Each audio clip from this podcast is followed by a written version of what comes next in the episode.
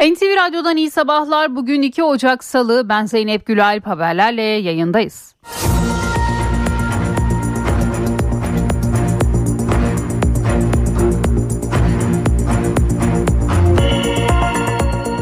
Başkent Ankara'da gece hareketli dakikalar yaşandı. İçişleri Bakanlığı önündeki kulübe önünde dur ihtarına uymayan sırt çantalı şüpheli bir kişi polis tarafından bacağından vurularak etkisiz hale getirildi. Şüpheli hastaneye kaldırılarak tedavi altına alındı. İçişleri Bakanı Ali Yerlikaya sosyal medya hesabından yaptığı açıklamada 29 yaşındaki YEŞ adlı şüphelinin psikolojik tedavi gördüğünü ve hakkında ailesi tarafından 11 Aralık'ta kayıp ilanı verildiğini söyledi.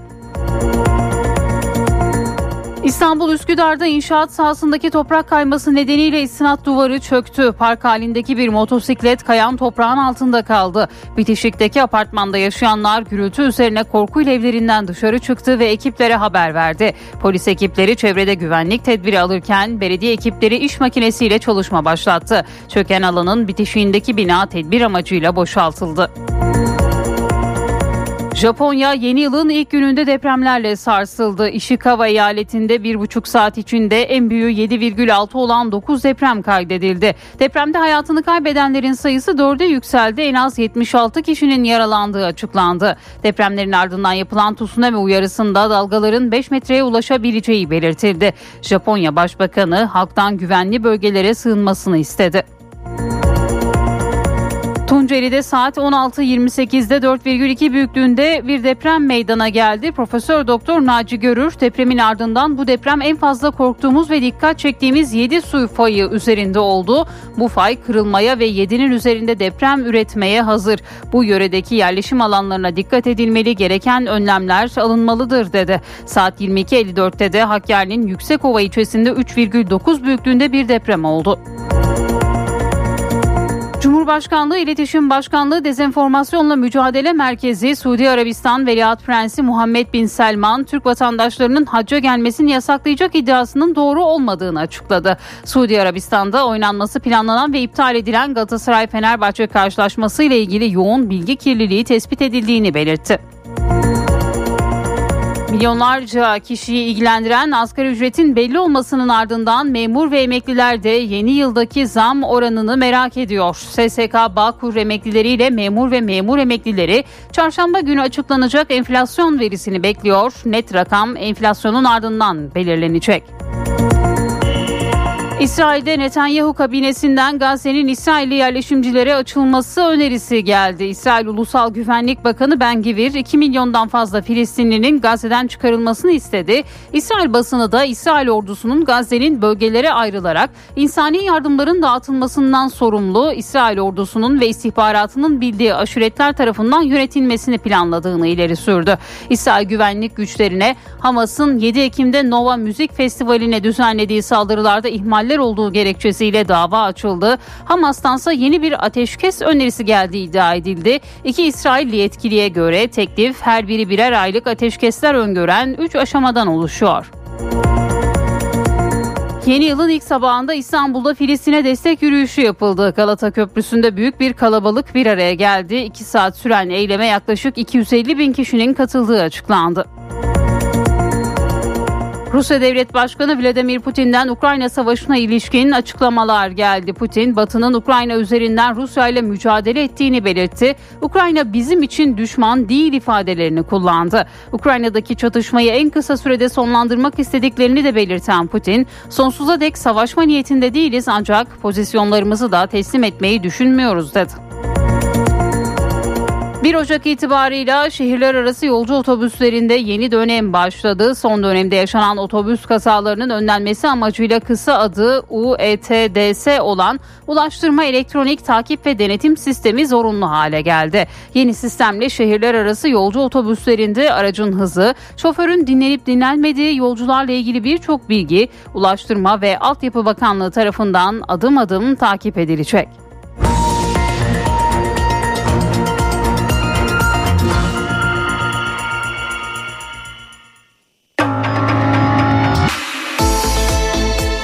İşe giderken gazetelerin gündemi.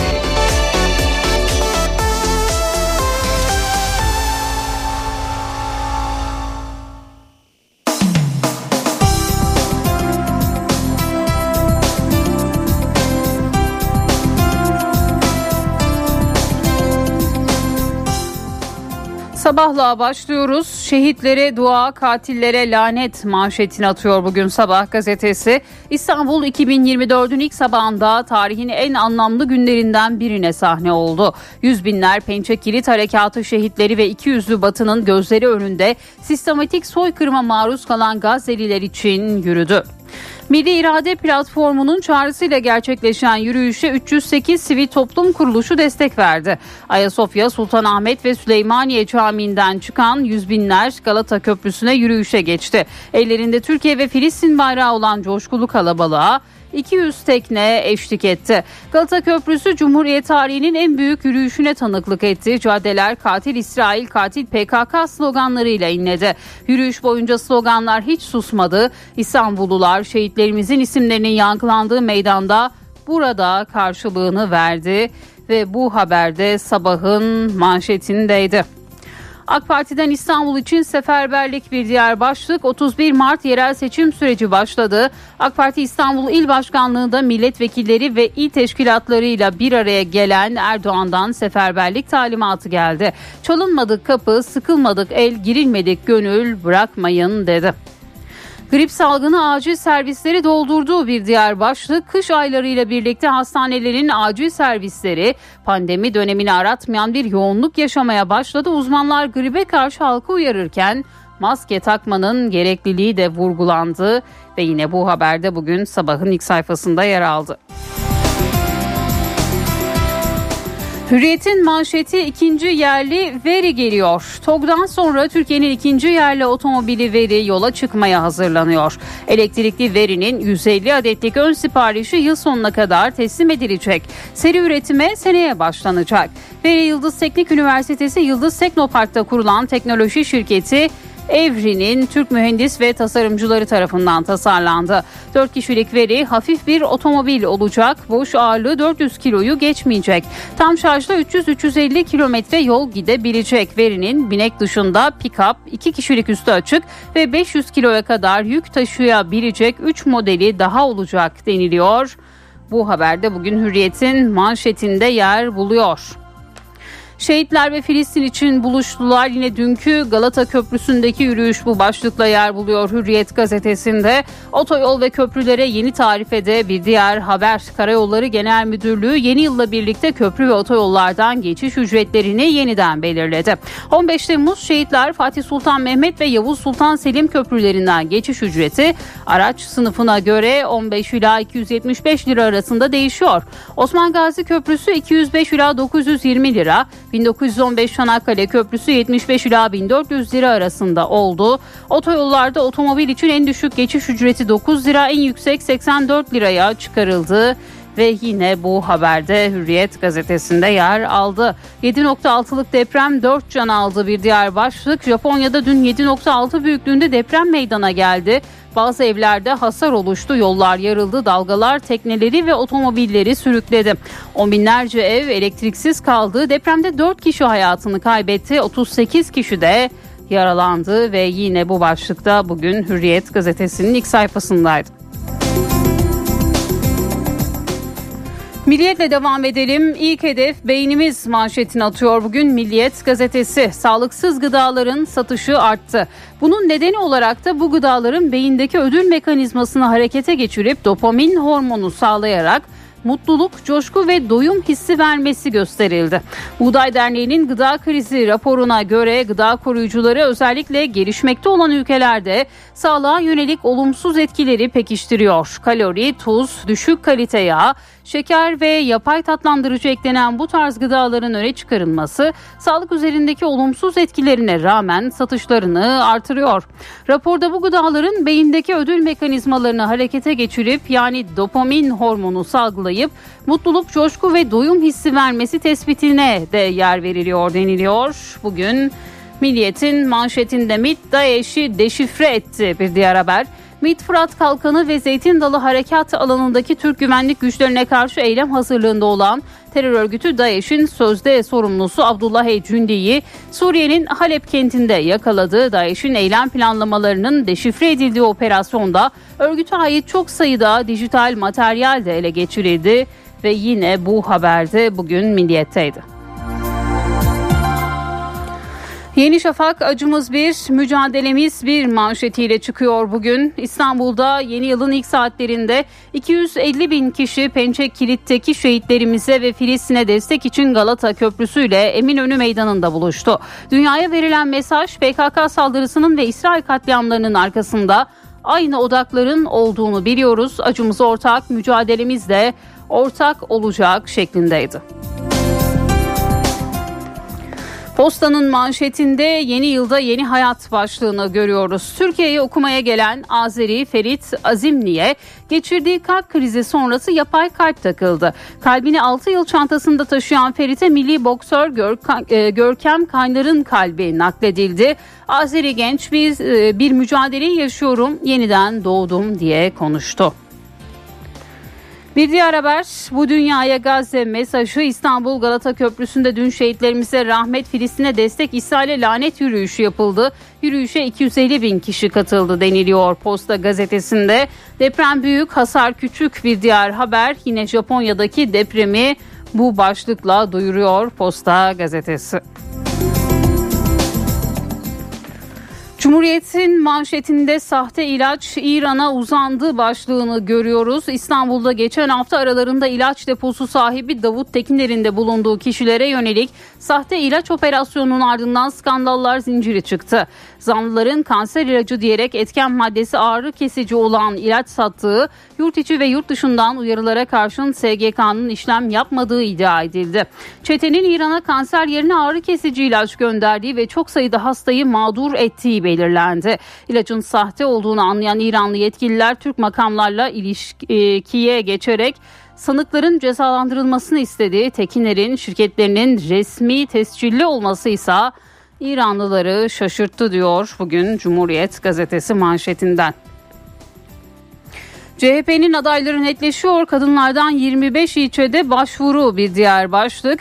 CHP'nin İstanbul adaylarının önümüzdeki günlerde açıklanması bekleniyor. İstanbul'da ilçe belediye başkanlıkları için CHP'ye başvuran 332 aday adayından 57'si kadın, 25 ilçeden aday adaylığı başvurusu yapan kadınlar görev bekliyor diyor Cumhuriyet gazetesi bugün. Bir diğer başlık İsrail'i soykırım suçu kaygısı sardı. Gazze'de en az 22 bin kişinin yaşamını yitirdiği saldırıları düzenleyen İsrail'de soykırımdan yargılanma alarmı verildi. Güney Afrika'nın Lahey'de açtığı soykırım davası için ordu ve yüksek mahkeme oturum düzenledi. Uzmanlar aleyhte karar çıkabilir dedi. 2024'ün ilk bebekleri dünyaya geldi diyor Cumhuriyet gazetesi. Birçok kentte yeni yılın ilk bebek haberleri ard arda geldi. Antalya'nın 2024'ün ilk anlarında doğan bebeği Kuzey oldu. Anne Hafize Karabacak 2024 yılına evde gireceğimi hastanede kucağımda bebekle girdim. Bizim yeni yılımız Kuzey oldu dedi ve yine bu haberde bugün Cumhuriyet Gazetesi'nin ilk sayfasında yer aldı. Şimdi bir araya gideceğiz sonrasında haberlerle devam edeceğiz.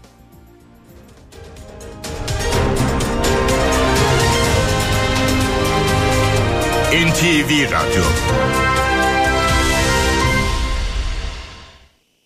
Titanic Hotels köşedeki kitapçıyı sunar. Merhaba ben Adnan Bostancıoğlu. İki Belçikalı yazar Reina Olivier ve Karel Klaes'in birlikte yazdıkları İnşaat Ustaları isimli kitap İtaki Çocuğun Süper Hayvanlar serisinden yayımlandı. Kitabı dilimize Ebru Koç Bal çevirmiş. Efendim söylemeye bile gerek yok. Tıpkı insanlar gibi hayvanlar da yaşayacak bir yere, bir yuvaya ihtiyaç duyarlar. İşte Olivier ve Claes bu kitapta kendi yuvalarını inşa edebilen çok yetenekli hayvanlarla tanıştırıyorlar bizi. Kunduz, leylek, bal arısı, Japon balon balığı, köstebek gibi pek çok hayvanın türlü hallerine tanık oluyor ve yuvalarını nasıl büyük bir ustalıkla inşa ettiklerini görüyor, ibret alıyoruz. Britanyalı bilim yazarı Bernard Dixon'ın Görünmez Güçler isimli araştırması Siyah kitaptan yayımlandı. Kitabı 3 bilim insanı, 3 profesör çevirmiş Türkçe'ye. Mine Küçüker, Emel Tümbay ve Zeki Yumuk. Bernard Dixon için bilim yazarı dedim. Öte yandan kendisi 1969'dan 1979'a kadar ünlü New Scientist dergisinin editörlüğünü yapmış. Üniversitede doktorasını da mikrobiyoloji alanında yaptığı çalışmalarla almış. Bugün bahsettiğimiz kitabı da tam da bu konuda. Yani mikroplar hakkında. Biliyorsunuz yaşadığımız çevre çıplak gözle görülmeyen sayısız mikropla çevrili. Bu bakteriler, virüsler, mantarlar ve protozoonlar insan hayatının her anını iyi ya da kötü etkilemekte. Yediklerimizden içtiklerimize, petrol rezervlerinin kaynaklarından endüstri toplumları tarafından kullanılan çeşitli ürünlere, sindirim sistemimizden antibiyotiklere kadar neredeyse her alanda mikroplara bağımlıyız. Tabii işin bir başka yanı da var. Mikroplar geçmiş yüzyıllardaki çiçekten ve vebadan günümüzde hala başa bela olan koleraya ve AIDS'e kadar dehşetli salgın hastalıklara da yol açmakta. Öyle ki mikroplar tarihteki en büyük orduların bile hakkından gelmişler. İşte kitabımız Görünmez Güçler. Tarihte neden oldukları hasarlar ve faydalarla birlikte en bilinen 75 mikrobu olağanüstü hikayeleriyle tanıtıyor. Bunu yaparken de aslında mikroorganizmaların yönettiği yaşadığımız dünyayı eğlendirici bir şekilde anlamamızı sağlıyor. Nitekim Library Journal'da yer alan bir yazıda kitap hakkında şöyle denilmiş. Birçoğumuz mikropların kuduz, tifo, çiçek gibi hastalıklara neden olduğunu biliriz ama sağlık alanı dışında oynadıkları rolü kaçımız bilir? Dixon kitabında her okuyucunun anlayacağı tarzda mikropların yaşamımızda oynadıkları hayati önemi vurguluyor. Herkese iyi okumalar, hoşçakalın. Titanic Hotels köşedeki kitapçıyı sundu.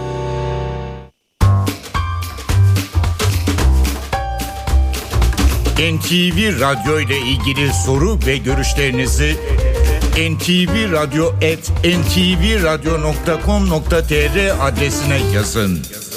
Türkiye'nin aküsü ileriye götürür. Yiğit Akü yol durumunu sunar. Karayolları Genel Müdürlüğü duyurdu. Piraziz Giresun Tirebolu yolunun 61. kilometresinde ve Sivas Pınarbaşı Gürün yolunun 25-30. kilometrelerinde yol bakım çalışmaları yapıldığından ulaşım kontrollü olarak sağlanıyor. Sürücüler dikkatli seyretmeli. Yiğit Akü yol durumunu sundu.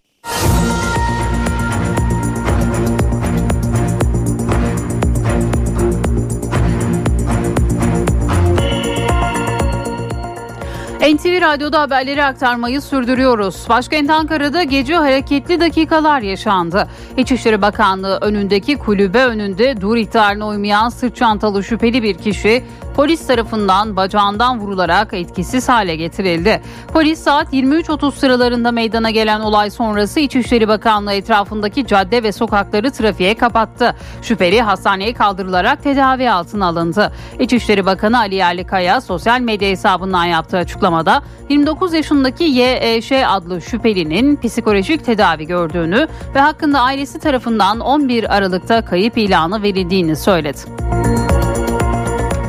İstanbul Üsküdar'da bir inşaat alanında meydana gelen toprak kayması kısa süreli korkuya neden oldu. Kaldırım Caddesi'ndeki göçük saat 2 iki buçuk sıralarında oldu. Bir inşaatın temeli altın alanındaki istinat duvarı çöktükten sonra toprak kayması meydana geldi. Kısa süre sonra inşaatın yanındaki yol da çöktü. Park halindeki bir motosiklet kayan toprağın altında kaldı. Bitişikteki apartmanda yaşayanlarsa gürültü üzerine korkuyla evlerinden dışarı çıktı ve ekiplere haber verdi. Polis ekipleri çevrede güvenlik tedbiri alırken belediye ekipleri iş makinesiyle çalışma başlattı. Çöken alanın bitişiğindeki bina tedbir amacıyla boşaltıldı. Tunceli'de saat 16.28'de 4,2 büyüklüğünde bir deprem meydana geldi. Profesör Doktor Naci Görür depremin ardından bu deprem en fazla korktuğumuz ve dikkat çektiğimiz 7 su fayı üzerinde oldu. Bu fay kırılmaya ve 7'nin üzerinde deprem üretmeye hazır. Bu yöredeki yerleşim alanlarına dikkat edilmeli gereken önlemler alınmalıdır dedi. Saat 22.54'te de Hakkari'nin Yüksekova ilçesinde 3,9 büyüklüğünde bir deprem meydana geldi. Japonya'da ise 7,6 büyüklüğünde deprem oldu. 13 kişi hayatını kaybetti. Arama kurtarma çalışmaları ise sürüyor. Bazı bölgelerde elektrik kesintisi yaşandı. Tren seferlerinde aksama oldu. Tsunami uyarısı saatler sonra kaldırıldı. Japonya 7,6 büyüklüğündeki depremle sarsıldı. Japonya'daki depremin merkez üssü ülkenin orta kesiminde yer alan Ishikawa açıklarıydı. Deprem sonrası tsunami uyarıları yapıldı. Japon devlet televizyonu özellikle Ishikawa, Niigata ve Toyoma kıyılarında yaşayanlara derhal yüksek alanlara gitmeleri çağrısı yaptı. Daha sonra tsunami alarmının seviyesi düşürüldü. Bunun Noto Yarımadası'nda şimdiye kadarki en büyük deprem olduğu duyuruldu. Yıkılan binalardaki arama kurtarma çalışmalarına yardım için ordu birlikleri de görevlendirildi. Japon Meteoroloji Ajansı yetkilileri önümüzdeki günlerde daha büyük depremler olabileceği konusunda uyardı. Japonya Başbakanı Fumio Kishida da halka olası depremlere karşı hazır olmalarını söyledi. Tsunami dalgalarının vurabileceği bölgelerde yaşayanlara derhal evlerini tahliye etme çağrısı yaptı. Deprem sonrası hızlı tren seferleri aksadı. Binlerce haneye elektrik verilemediği kaydedildi. Ishikawa ve Niigata'daki telefon operatörleri de mobil internet servislerinde kesintiler yaşandığını açıkladı. Yetkililer deprem sonrası nükleer santrallerde de herhangi bir sorunla karşılaşılmadığını duyurdu. Japonya'da 11 Mart 2011'de meydana gelen 9,1 büyüklüğündeki deprem ve ardından oluşan tsunami'de 20 bin kişi hayatını kaybetmişti. Yeni yılla birlikte vergiler, harçlar ve cezalar arttı. Artış oranı %58,46 olacak. Vergiler, cezalar ve harçlar yeni yılla birlikte %58,46 oranında zamlandı. Kırmızı ışıkta geçmenin cezası 953,4 liradan 1510 liraya çıktı. Hız sınırını %30 aşmanın cezası 1510 lira. Trafikte cep telefonuyla konuşmanın cezası da 1510 lira oldu. Alkollü araç kullanımının cezası 4250 liradan 6735 liraya yükseldi. Harçlar da zamlandı. A sınıfı ehliyet harcı 825 liradan 1308 liraya. B sınıfı içinse 2489 liradan 3945 liraya çıktı. Pasaport ücretleri 6 aylık 1034 liradan 1638 liraya, 1 yıllık 1512 liradan 2395 liraya, 2 yıllık 2469 liradan 3912 liraya, 3 yıllık 3507 liradan 5557 liraya, 4 yıldan fazla olan 4943 liradan 7832 liraya yükseldi. Defter ücreti 501 liradan 793 liraya çıktı. Yurt dışından getirilecek telefonlar için alınan harç da 20 bin liradan 31 bin 692 liraya çıktı. Motorlu taşıtlar ve emlak vergileri de arttı. 0300 motor gücüne sahip değeri 180.600 liraya kadar 1-3 yaş araçlarda motorlu taşıtlar vergisi 3.359 liraya, 4-6 yaş araçlar için 1479 liradan 2343 liraya çıktı. Matrahı 180 bin ila 316 bin 400 lira arası 1-3 yaş aracın vergisi 3692 lira oldu. Matrahı 316 bin 400 ve üstü 1-3 yaş arası araçlar içinse vergi 4032 liraya yükseldi. Matrahı 2 milyon 151 bin liraya aşan 3 yaşına kadar araçların vergisi ise 160 bin 285 lira oldu. Köprü ve otoyol geçiş ücretlerine de zam geldi. 15 Temmuz Şehitler Köprüsü ve Fatih Sultan Mehmet Köprüsü geçiş ücret tarifesi araçların aks aralığına göre 15 ila 110 lira arasında oldu. Motosiklet geçiş ücreti ise 6 lira olarak belirlendi. Osman Gazi Köprüsü geçiş ücretleri tarifesi de araç sınıfına göre 205 ila 920 lira arasında değişiyor. Çanakkale Köprüsü geçiş ücreti 75 ila 1400 lira arasında değişiyor. Karayolları Genel Müdürlüğü tarafından işletilen otoyollarda otomobil için en düşük geçiş ücreti 9 lira, en yüksek geçiş ücreti ise 84 lira oldu. Yeni yılla birlikte uygulamaya giren düzenlemeye göre artık restoran ve lokantaların girişinde fiyat listeleri bulunmak zorunda. Uygulamanın ilk gününde aksaklıklar göze çarptı. Birçok restoranın kapılarının önünde fiyat tarifesi yoktu. Kiminin de yemek kiminin de yemek listesi vardı ancak yanlarında fiyatları yazılı değildi. Yasa gereği dışarıya alıp misafirlerimizin rahatlıkla görebileceği bir şekilde astık. İnsanlar en azından görüyor.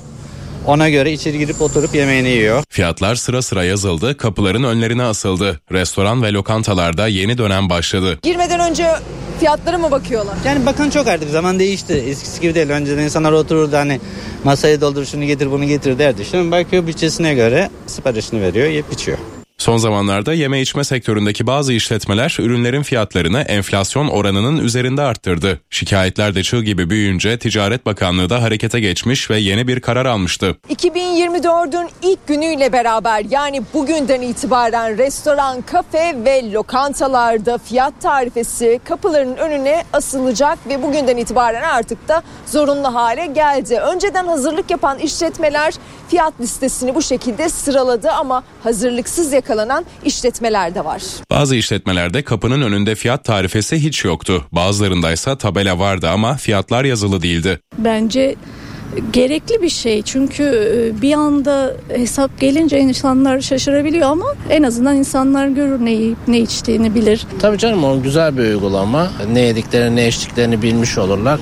Rekabet açısından da çok güzel bir uygulama. Sadece kapı önünde değil aynı zamanda masaların üzerinde de fiyat listesinin olması gerekiyor. Masa içinde daha önce önlem aldık. Hatta QR kodu güncelledik biz. Masadan her misafirimiz rahatlıkla görebiliyor. NTV Radyo Yeni yılın ilk sabahında İstanbul'da Filistin'e destek yürüyüşü yapıldı. Galata Köprüsü'nde büyük bir kalabalık bir araya geldi. İki saat süren eyleme yaklaşık 250 bin kişinin katıldığı açıklandı. Büyük bir kalabalık sabahın erken saatlerinde bir araya geldi. Ayasofya, Sultanahmet, Süleymaniye ve Yeni Cami'de kılınan sabah namazının ardından camilerin önlerinde toplananlar kortej eşliğinde Galata Köprüsü'ne ulaştı. Türkiye Gençlik Vakfı'nın öncülüğünde Filistin'e destek yürüyüşü düzenlendi. Akın akın İstanbul! Miting Pençe Kilit Harekatı'nda şehit olan 12 asker ve Filistin'de hayatını kaybedenler için okunan dualarla başladı. TÜGVA Yüksek İstişare Kurulu üyesi Bilal Erdoğan kürsüde konuşma yaptı. Biz Türkiye'nin terörle mücadelesinde verdiği şehitlerin de Filistin'de düşen şehitlerin de orada öldürülen çocukların da katillerinin aynı odaklar olduğunu biliyoruz. Destek yürüyüşüne 300'den fazla sivil toplum kuruluşu katıldı. Baykar Yönetim Kurulu Başkanı Selçuk Bayraktar da Türkiye Teknoloji Takımı Vakfı üyeleriyle miting alanındaydı. Özellikle savunma sanayinde geliştirilen yüksek teknoloji insanlığın faydasına, insanlığın huzuruna, barışına ve adaletine kullanmayacak olursa böylesine barbarca soykırımlara da vesile olabiliyor. Yürüyüşte Sağlık Bakanı Fahrettin Koca, Gençlik ve Spor Bakanı Osman Aşkınbak, eski Hazine ve Maliye Bakanı Berat Albayrak, eski Milli Savunma Bakanı Hulusi Akar, eski İçişleri Bakanı Süleyman Soylu'nun da aralarında olduğu çok sayıda siyasetçi yer aldı. İki saat süren eyleme yaklaşık 250 bin kişinin katıldığı kürsüden anons edildi. Yüz binlerce İstanbullu burada ve yılın ilk gününde 2024'ün ilk gününde bütün halklara, bütün insanlığa buradan hakkı haykırıyor. Destek yürüyüşünde Filistin Ankara Büyükelçisi Faik Mustafa da konuşma yaptı. Mustafa, Türk halkına minnettarız dedi. Kaybettiklerimiz için acı çekiyoruz. Gazze'de her şeye hedef alan bu zalimler bizi davamızdan saptırmak istiyor. Bütün bunlara rağmen davamızdan asla vazgeçmeyeceğiz. Polisin yoğun güvenlik önlemleri aldığı mitingi yabancı birçok basın kuruluşu da takip etti. İstanbul'da Filistin'e destek yürüyüşüne katılan bir kişiye yumrukla saldıran kişi çıkarıldığı mahkemede tutuklandı. Şehitlere rahmet Filistin'e destek İsrail'e lanet yürüyüşüne katılanlardan İsmail Aydemir yürüyüş sonrası elinde taşıdığı kelime-i tevhid yazılı bayrakla evine dönmek için yola çıktı. Aydemir Şişhane Meydanı'ndan geçtiği sırada bir kişinin yumruklu saldırısına uğradı. Tartışma sürerken saldırgan bölgede görev yapan trafik polisi tarafından gözaltına alındı. Bu sırada olay yerinde toplanan gruptan bir kişi üniversite üniversite öğrencisi olduğu öğrenilen saldırgana tokat attı. Şüpheli Ege A emniyetteki işlemlerinin ardından çıkarıldığı mahkemede tutuklandı. Gazze'liler yeni yılı savaşın gölgesinde karşıladı. Evlerini terk ederek çadırlarda kalmaya başlayan Gazze'lilerin yeni yıl için tek dileği ise savaşın bitmesiydi. Gazze'liler yeni yıla savaşla girdi. İsrail saldırıları hız kesmezken Gazze'lilerin birçoğu kaldıkları çadırlarda yeni yılı karşıladı. Yeni yıl heyecanını hissedemiyoruz. Yaşadığımız acı büyük. Tüm günler bizim için aynı. 2024 içinse Gazze'lilerin dilekleri ortaktı. Tek istekleri savaşın bitmesiydi. 2023 kanlı bir yıl oldu. Savaşta evimi kaybettim. Aile üyelerimi kaybettim. 12 yaşındaki erkek yeğenim ve kız yeğenim şehit oldu. 2024'te tek dileğim evimin enkazına dönüp orada bir çadır kurup yaşamak. 2023 tarihimizdeki en kötü yıldı. Ailelerimizi, evlerimizi, her şeyimizi kaybettik. Umarız 2024'te Filistin devleti kurulabilir. 2023 bizim için acı doluydu. 2024'te savaşın bitmesini umuyorum. Gazze yıkıldı. Yaşayabileceğimiz bir yer yok ama en azından artık uçak ve drone seslerini duymak istemiyoruz. Çocuklarımız korku içinde yaşasın istemiyoruz. Diğer her yerdeki insanlar gibi mutlu bir yaşam sürmeyi umuyoruz. Gazze'li çocuklar da normal hayatlarına dönmenin hayalini kuruyor.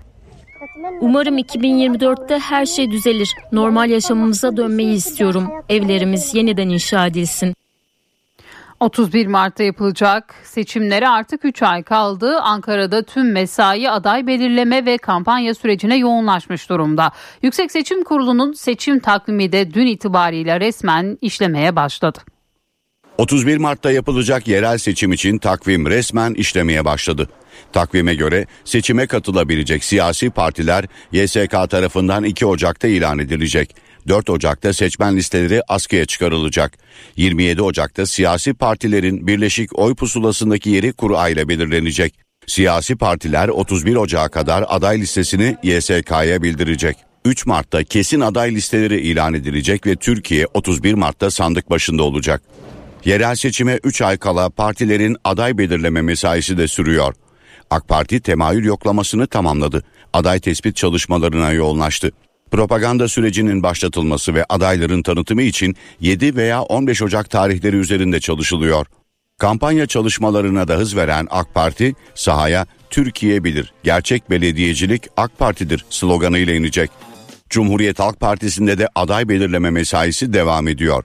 CHP'de Perşembe günü önce MYK ardından da parti meclisi toplantıları yapılacak. Toplantıda ön seçim yapılan seçim çevrelerindeki adaylarla İstanbul'da CHP yönetiminde olmayan ilçelerin adaylarının netleştirilmesi bekleniyor. 81 ilde seçime kendi adayıyla girme kararı alan İyi Parti'de de aday belirleme mesaisi sürüyor. İyi Parti Genel Başkanı Meral Akşener geçtiğimiz hafta İstanbul ve Ankara adayını belirlemek için milletvekilleri ve teşkilatıyla toplantılar düzenlemişti. Adayların açıklanacağı tarih ise henüz net değil. Milli İstihbarat Teşkilatı sınır ötesinde bir nokta operasyona daha imza attı. Suriye Halep'te düzenlenen operasyonda DAEŞ'in sözde Sıddık taburu sorumlusu Abdullah El-Cündi yakalandı. MİT, Abdullah El-Cündi'nin Suriye'de bulunan Türk güvenlik güçlerine ait araçlara eylem planladığını tespit etti. Bu istihbarat üzerine operasyon için düğmeye basıldı. MİT başkanlığınca sağlanan istihbari destekle Suriye Milli Ordusu'na bağlı güvenlik güçleri Fırat Kalkanı Harekatı alanı içindeki Elbap'ta operasyon düzenledi.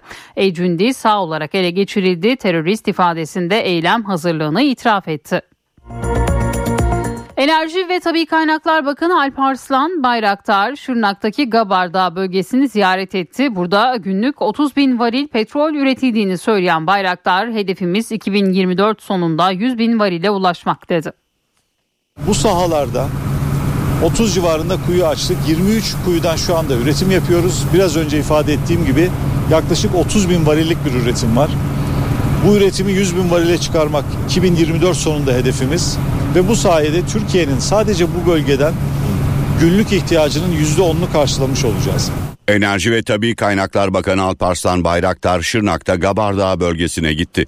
Şehit Esma Çevik Üretim İstasyonu'nu ziyaret eden bakan yetkililerden çalışmalara ilişkin bilgi aldı. Bakan Bayraktar, Şırnak'ın petrol üretiminde en önde gelen şehir olacağını söyledi. Önümüzdeki 3 ay içerisinde inşallah hedeflerimiz o minvalde. Şırnak Türkiye'nin en büyük petrol üreten ili haline gelecek. Ve 2024 yılı sonuna geldiğimizde yani 100 bin varil üretim hedefine geldiğimizde de açık ara birinci Türkiye'nin bir numaralı petrol şehri olacak. Bakan Bayraktar ayrıca Hakkari, Van ve Siirt gibi illerde de petrol arama çalışmalarının devam ettiğini belirtti. NTV Radyo Hataylılar 6 Şubat depremiyle ailelerini, sevdiklerini, memleketlerini kaybetti. Doğdukları, büyüdükleri sokaklar neredeyse yok oldu. Peki anılar, anılar yok olur mu? Hataylılar anılarına tutunmak için bir platform oluşturdu. Memleketlerini hatırlamak için bir hafıza haritası oluşturmaya başladı.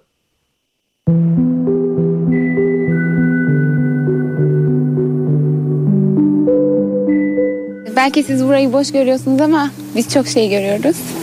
Yani anılarımız, çocukluklarımız hepsi burada. Doğdukları, büyüdükleri şehir neredeyse yok oldu. Bir zamanlar mutlulukla poz verdikleri bu sokaklar sanki artık yabancı. Belki de bu sokaklardan binlerce kez geçtiler. Sevdikleriyle buluştular, eğlendiler, dertleştiler. 6 Şubat depremi ise her şeyi tamamen değiştirdi. Ailelerini, sevdiklerini kaybettiler. Sokaklar tanınmaz hale geldi. Bir şehir neredeyse tamamen yok oldu. Ama anılar yok olmaz. Hataylılar şimdi anılarına tutunmak istiyor. Yolu Hatay'dan geçmiş, Hatay'la bağ kurmuş herkesi bir hafıza haritası oluşturmaya çağırıyor. Hafıza haritası bizim bölgemizdeki Hatay'daki şehrin hafızasını oluşturan yapıları insanların anılarıyla birleştirip e, insanların böyle anılarına girebileceği, e, belki anılarını yad edeceği bir interaktif web sitesi. Biz burada insanların hani girip oradaki eskiden bir yerde yaşadığında yaşadığı anıyı e, oraya girip e, yeniden belki başka insanlara paylaşmasını istedik. Ne hissediyorsunuz şimdi? Buradan binlerce kez geçmişsinizdir herhalde. On binlerce kez geçmişim. Çok yani duygulanıyorum yani çok çok kötü bir çok kötü çok kötü. Birbirimizle konuşuyoruz, ağlıyoruz. Yani şimdi böyle geçerken bile eski anılarımızı depreştiriyoruz. Dönecek misiniz peki yakın zamanda?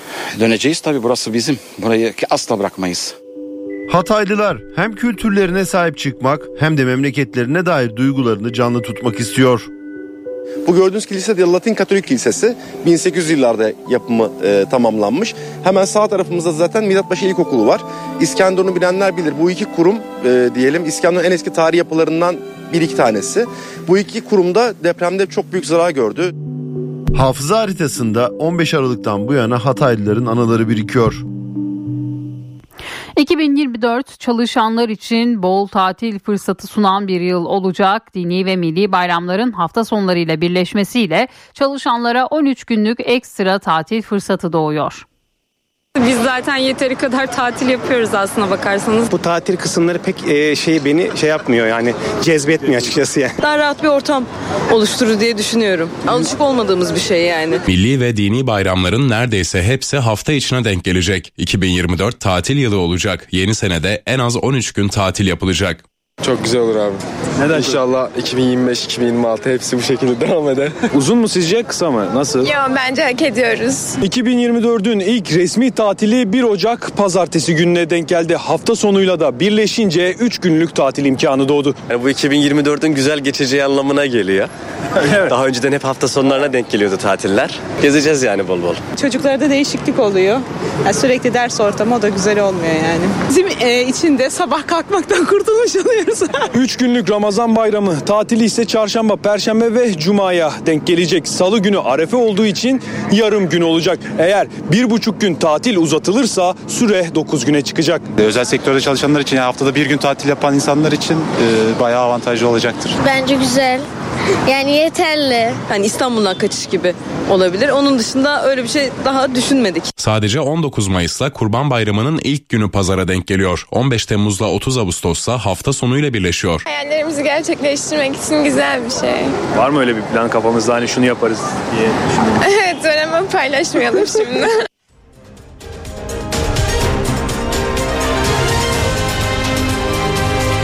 NTV Radyo HDI Sigorta İstanbul'un yol durumunu sunar. İstanbul'da şu dakika itibariyle trafikte yoğunluk haritası %51'i gösteriyor. Anadolu'dan Avrupa'ya geçişte 15 Temmuz Şehitler Köprüsü'ne giderken Libadiye bağlantı yolu Beylerbeyi arasında yoğunluk var. Fatih Sultan Mehmet Köprüsü'ne giderken de Küçük Bakkalköy Kavacık arası oldukça yoğun. Her iki köprüde de Anadolu'dan Avrupa'ya geçişte yoğunluk var. Avrasya Tüneli ise çift taraflı açık. Avrupa yakasına gelindiğinde E5'te Avcılar Florya arasında Tem'de ise Bahçeşehir Altınşehir arasında sabah trafiği gözleniyor. İyi yolculuklar. HDI Sigorta İstanbul'un yol durumunu sundu.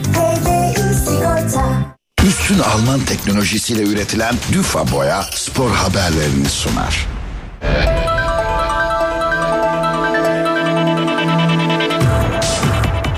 Abdülkerim Bardakçı transferi Galatasaray ile Konya Spor'u karşı karşıya getirdi. Konya Spor 2022-2023 sezonu başında Sarı Kırmızılı kulübe 2.8 milyon euro karşılığında transfer ettikleri futbolcu için söz verilen tüm ödemenin yapılmaması nedeniyle Sarı Kırmızılı kulübe ihtar çekti. Konuya ilişkin Kon konuşan Konya Spor Başkanı Ömer Korkmaz, Abdülkerim Bardakçı'dan kalan küçük bir taksit var. Onu bekliyoruz Galatasaray'dan. Maalesef onlar ödemedi. Biz de onlara ihtar çektik. Parayı ödemezseniz dava açacağız diye de bildirdik ifadelerini kullandı. Son yıllardaki çıkışını sarı kırmızılarda da sürdüren Abdülkerim Bardakçı, Galatasaray ve milli takımın vazgeçilmez isimlerinden biri haline geldi. Beşiktaş'ta kadro dışı kalan oyunculara gelen teklifler değerlendiriliyor. Brezilya'nın Grêmio takımı Abubakar'ı kadrosuna katmak istiyor. Valentin Rozier ise Trabzonspor'un hedefinde. Beşiktaş kadro dışı kalan oyuncularla yollarını ayırmaya hazırlanıyor. Değerlerini bularak çıkarırsak onların yerine tekrar oyuncu almayı düşünüyoruz. Sözleşmesi feshedilen Erik Bailly Villarreal'le anlaştı. Siyah beyazlardan ayrılan ikinci isim Vincent Abubakar olabilir. Grêmio Kamerunlu oyuncuyu kadrosuna katmak istiyor. Beşiktaş'ta görüşmelere başlayan Brezilya ekibi anlaşma zemini arıyor. Trabzonspor'un hedefinde ise Valentin Rozier var. Beşiktaş'ın kadro dışı bıraktığı sağ beki transfer listesini alan Bordo Mavili ekip henüz resmi temaslara başlamadı. Raşit Gezal'ın durumu ise daha farklı. Sezon sonu sözleşmesi bitecek Cezayirli oyuncu bu sezon 20 maçta forma giyerse bir yıllık opsiyonu devreye girecek.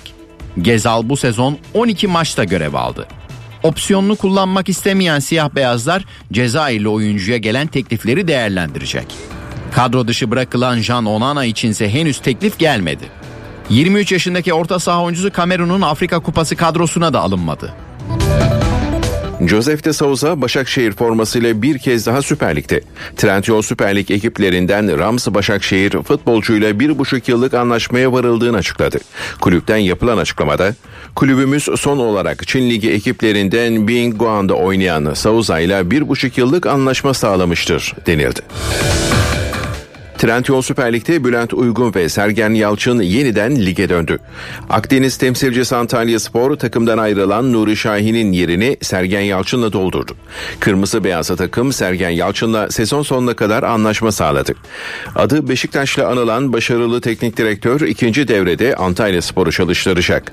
Bir diğer antrenör değişikliği de Sivas Spor'da yaşandı. Servet Çetin'le yolları ayıran Yiğidolar daha önce iki sezon takımı çalıştıran Bülent Uygun'la anlaştı. Uygun'la bugün resmi sözleşme imzalanacak. Fenerbahçe Beko Euroleague'de galibiyet serisini sürdürmek istiyor. Sarı lacivertliler 18. hafta maçında Kızıl Yıldız'ı konuk edecek. Ülker Spor ve Etkinlik Salonu'nda oynanacak müsabaka saat 20.45'te başlayacak. Euroleague'de son 4 maçını kazanan Sarı lacivertliler 10 galibiyetle ligin 6. sırasında bulunuyor. Kızıl Yıldız ise 6 galibiyet ve 11 mağlubiyetle 15. sırada. Dayanıklı, kolay sürülen, kapatıcılığı yüksek Düfa Boya spor haberlerini sundu. Saat 8 Türkiye ve Dünya gündeminde bu saate kadar neler olduğuna bir haber turuyla bakacağız. Başkent Ankara'da gece hareketli dakikalar yaşandı. İçişleri Bakanlığı önündeki kulübe önünde dur ihtarına uymayan sırt çantalı bir şüpheli polis tarafından bacağından vurularak etkisiz hale getirildi. Şüpheli hastaneye kaldırılarak tedavi altına alındı. İçişleri Bakanı Ali Yerlikaya sosyal medya hesabından yaptığı açıklamada 29 yaşındaki YEŞ adlı şüphelinin psikolojik tedavi gördüğünü ve hakkında ailesi tarafından 11 Aralık'ta kayıp ilanı verildiğini söyledi. İstanbul Üsküdar'da inşaat sahasındaki toprak kayması nedeniyle istinat duvarı çöktü. Park halindeki bir motosiklet kayan toprağın altında kaldı. Bitişik'teki apartmanda yaşayanlar gürültü üzerine korkuyla evlerinden dışarı çıktı ve ekiplere haber verdi. Polis ekipleri çevrede güvenlik tedbiri alırken belediye ekipleri de iş makineleriyle çalışma başlattı. Çöken alanın bitişiğindeki bina tedbir amacıyla boşaltıldı. Japonya'da yeni yılın ilk gününde depremler oldu. Ishikawa eyaletinde bir buçuk saat içinde en büyüğü 7,6 olan 9 deprem kaydedildi. Depremde hayatını kaybedenlerin sayısı 13'e yükseldi. En az 76 kişinin de yaralandığı açıklandı. Depremlerin ardından yapılan tsunami uyarısı geri çekildi. Japonya Başbakanı halktan güvenli bölgelere sığınmasını istedi. Tunceli'de saat 16.28'de 4,2 büyüklüğünde bir deprem meydana geldi. Profesör Doktor Naci Görürse depremin ardından bu deprem en fazla korktuğumuz ve dikkat çektiğimiz 7 su fayı üzerinde oldu. Bu fay kırılmaya ve 7'nin üzerinde deprem üretmeye hazır. Bu yöredeki yerleşim alanlarına dikkat edilmeli, gereken önlemler alınmalıdır dedi. Saat 22.54'te de Hakkari'nin Yüksekova ilçesinde 3,9 büyüklüğünde bir deprem oldu. Cumhurbaşkanlığı İletişim Başkanlığı Dezenformasyonla Mücadele Merkezi Suudi Arabistan Veliaht Prensi Muhammed Bin Selman Türk vatandaşlarının hacca gelmesini yasaklayacak iddiasının doğru olmadığını açıkladı. Suudi Arabistan'da oynanması planlanan ve iptal edilen Galatasaray Fenerbahçe karşılaşmasıyla ilgili yoğun bilgi kirliliği tespit edildiği belirtildi. Milyonlarca kişiyi ilgilendiren asgari ücretin belli olmasının ardından memur ve emekliler de yeni yıldaki zam oranını merak ediyor. SSK, Bağkur emeklileriyle memur ve memur emeklileri çarşamba günü açıklanacak enflasyon verisini bekliyor. Net rakam enflasyonun ardından belirlenecek. İsrail'de Netanyahu kabinesinden Gazze'nin İsrailli yerleşimcilere açılması önerisi geldi. İsrail Ulusal Güvenlik Bakanı Ben Gvir 2 milyondan fazla Filistinlinin Gazze'den çıkarılmasını istedi. İsrail basını da İsrail ordusunun Gazze'nin bölgelere ayrılarak insani yardımların dağıtılmasından sorumlu. İsrail ordusunun ve istihbaratının bildiği aşiretler tarafından yönetilmesini planladığını ileri sürdü. İsrail güvenlik güçlerine Hamas'ın 7 Ekim'de Nova Müzik Festivali'ne düzenlediği saldırılarda ihmalleri olduğu gerekçesiyle dava açıldı. Hamas'tansa yeni bir ateşkes önerisi geldiği iddia edildi. İki İsrailli yetkiliye göre teklif her biri birer aylık ateşkesler öngören 3 aşamadan oluşuyor. Yeni yılın ilk sabahında İstanbul'da Filistin'e destek yürüyüşü yapıldı. Galata Köprüsü'nde büyük bir kalabalık bir araya geldi. İki saat süren eyleme yaklaşık 250 bin kişinin katıldığı açıklandı. Rusya Devlet Başkanı Putin'den Ukrayna Savaşı'na ilişkin açıklamalar geldi. Putin, Batı'nın Ukrayna üzerinden Rusya ile mücadele ettiğini belirtti. Ukrayna bizim için düşman değil ifadelerini kullandı. Ukrayna'daki çatışmayı en kısa sürede sonlandırmak istediklerini de söyleyen Putin, sonsuza dek savaşma niyetinde değiliz ancak pozisyonlarımızı da teslim etmeyi düşünmüyoruz dedi.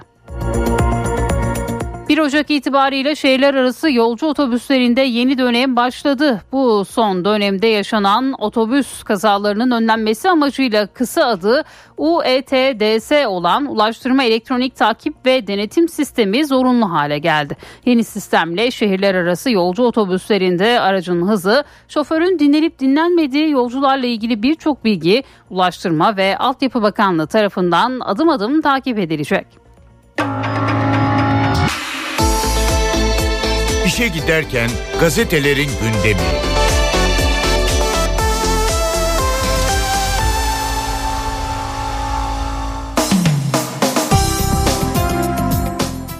Sabahla başlıyoruz. Şehitlere dua, katillere lanet manşetini atıyor bugün sabah gazetesi. İstanbul 2024'ün ilk sabahında tarihin en anlamlı günlerinden birine sahne oldu. Yüz binler Pençe Kilit Harekatı şehitleri ve iki yüzlü batının gözleri önünde sistematik soykırıma maruz kalan Gazze'liler için yürüdü. Milli İrade Platformu'nun çağrısıyla gerçekleşen yürüyüşe 308 sivil toplum kuruluşu destek verdi. Ayasofya, Sultanahmet ve Süleymaniye Camii'nden çıkan yüz binler Galata Köprüsü'ne yürüyüşe geçti. Ellerinde Türkiye ve Filistin bayrağı olan coşkulu kalabalığa 200 tekne eşlik etti. Galata Köprüsü Cumhuriyet tarihinin en büyük yürüyüşüne tanıklık etti. Caddeler katil İsrail, katil PKK sloganlarıyla inledi. Yürüyüş boyunca sloganlar hiç susmadı. İstanbullular şehitlerimizin isimlerinin yankılandığı meydanda burada karşılığını verdi. AK Parti'den İstanbul için seferberlik bir diğer başlık 31 Mart yerel seçim süreci başladı. AK Parti İstanbul İl Başkanlığı'nda milletvekilleri ve il teşkilatlarıyla bir araya gelen Cumhurbaşkanı Erdoğan'dan seferberlik talimatı geldi. Çalınmadık kapı sıkılmadık el girilmedik gönül bırakmayın dedi Cumhurbaşkanı. Grip salgını acil servisleri doldurdu diyor Sabah gazetesi. Kış aylarıyla birlikte hastanelerin acil servisleri pandemi dönemini aratmayan bir yoğunluk yaşamaya başladı. Uzmanlar gribe karşı halkı uyarırken maske takmanın gerekliliği de vurgulandı. Hürriyet'in manşetinde ikinci yerli veri geliyor başlığını görüyoruz. TOG'dan sonra Türkiye'nin ikinci yerli otomobili veri yola çıkmaya hazırlanıyor. Elektrikli verinin 150 adetlik ön siparişi yıl sonuna kadar teslim edilecek. Seri üretime seneye başlanacak. Veri Yıldız Teknik Üniversitesi Yıldız Teknopark'ta kurulan teknoloji şirketi Evri'nin Türk mühendis ve tasarımcıları tarafından tasarlandı. 4 kişilik veri hafif bir otomobil olacak. Boş ağırlığı 400 kiloyu geçmeyecek. Tam şarjla 300-350 kilometre yol gidebilecek. Verinin binek dışında pick-up 2 kişilik üstü açık ve 500 kiloya kadar yük taşıyabilecek 3 modeli daha olacak. Evri kurucu ortağı Yosun Karasu 150 adet ön siparişimiz var. Yıl sonunda bu siparişleri teslim etmek istiyoruz. Ön seri üretim için 800 araç üretim kapasitesi olan yer bakıyoruz. Bu geçici bir yer olacak. Ön siparişlerin temini de burada olacak. 2025'te seri üretim için 10 bin araçlık bir fabrika yatırımı planlıyoruz. Fabrika Bursa, Tekirdağ veya Kocaeli'nde kurulacak deniliyor bugün. Bu haberde Hürriyet gazetesinin manşetinde yer buluyor Beyazıt Şenbük imzalı. Bir diğer başlık şehitler ve Filistin için buluştular. Milli İrade Platformu'nun öncülüğünde 308 STK İstanbul'da Galata Köprüsü'nde şehitlerimize rahmet, Filistin'e destek, İsrail'e lanet sloganıyla miting düzenledi. Otoyol ve köprülere yeni tarife yine Hürriyet gazetesinde Karayolları Genel Müdürlüğü yeni yılla birlikte köprü ve otoyollardan geçiş ücretlerini yeniden belirledi. 15 Temmuz şehitler Fatih Sultan Mehmet ve Yavuz Sultan Selim köprülerinden geçiş ücreti Araç sınıfına göre 15 ila 275 lira arasında değişiyor. Osman Gazi Köprüsü 205 ila 920 lira, 1915 Çanakkale Köprüsü de 75 ila 1400 lira arasında oldu. Otoyollarda otomobil için en düşük geçiş ücreti 9 lira, en yüksek 84 liraya çıkarıldı. 7.6'lık deprem 4 can aldı diyor Hürriyet gazetesi. Japonya'da dün 7.6 büyüklüğünde deprem meydana geldi. Bazı evlerde hasar oluştu, yollar yarıldı. Dalgalar tekneleri ve otomobilleri sürükledi. On binlerce ev elektriksiz kaldı. Depremde 4 kişi hayatını kaybetti, 38 kişi de yaralandı diyor Hürriyet gazetesi. Hayatını kaybedenlerin sayısı 13'e yükseldi. Bu güncel bilgiyi de sizlere aktaralım. Milliyetle devam ediyoruz. İlk hedef beynimiz manşetini görüyoruz. Sağlıksız gıdaların satışı arttı. Bunun nedeni olarak da bu gıdaların beyindeki ödül mekanizmasını harekete geçirip dopamin hormonu sağlayarak mutluluk, coşku ve doyum hissi vermesi gösterildi. Buğday Derneği'nin gıda krizi raporuna göre gıda koruyucuları özellikle gelişmekte olan ülkelerde sağlığa yönelik olumsuz etkileri pekiştiriyor. Kalori, tuz, düşük kalite yağ, şeker ve yapay tatlandırıcı eklenen bu tarz gıdaların öne çıkarılması sağlık üzerindeki olumsuz etkilere rağmen satışlarını artırıyor. Raporda bu gıdaların beyindeki ödül mekanizmalarını harekete geçirip yani dopamin hormonu salgılayıp mutluluk, coşku ve doyum hissi vermesi tespitine yer veriliyor.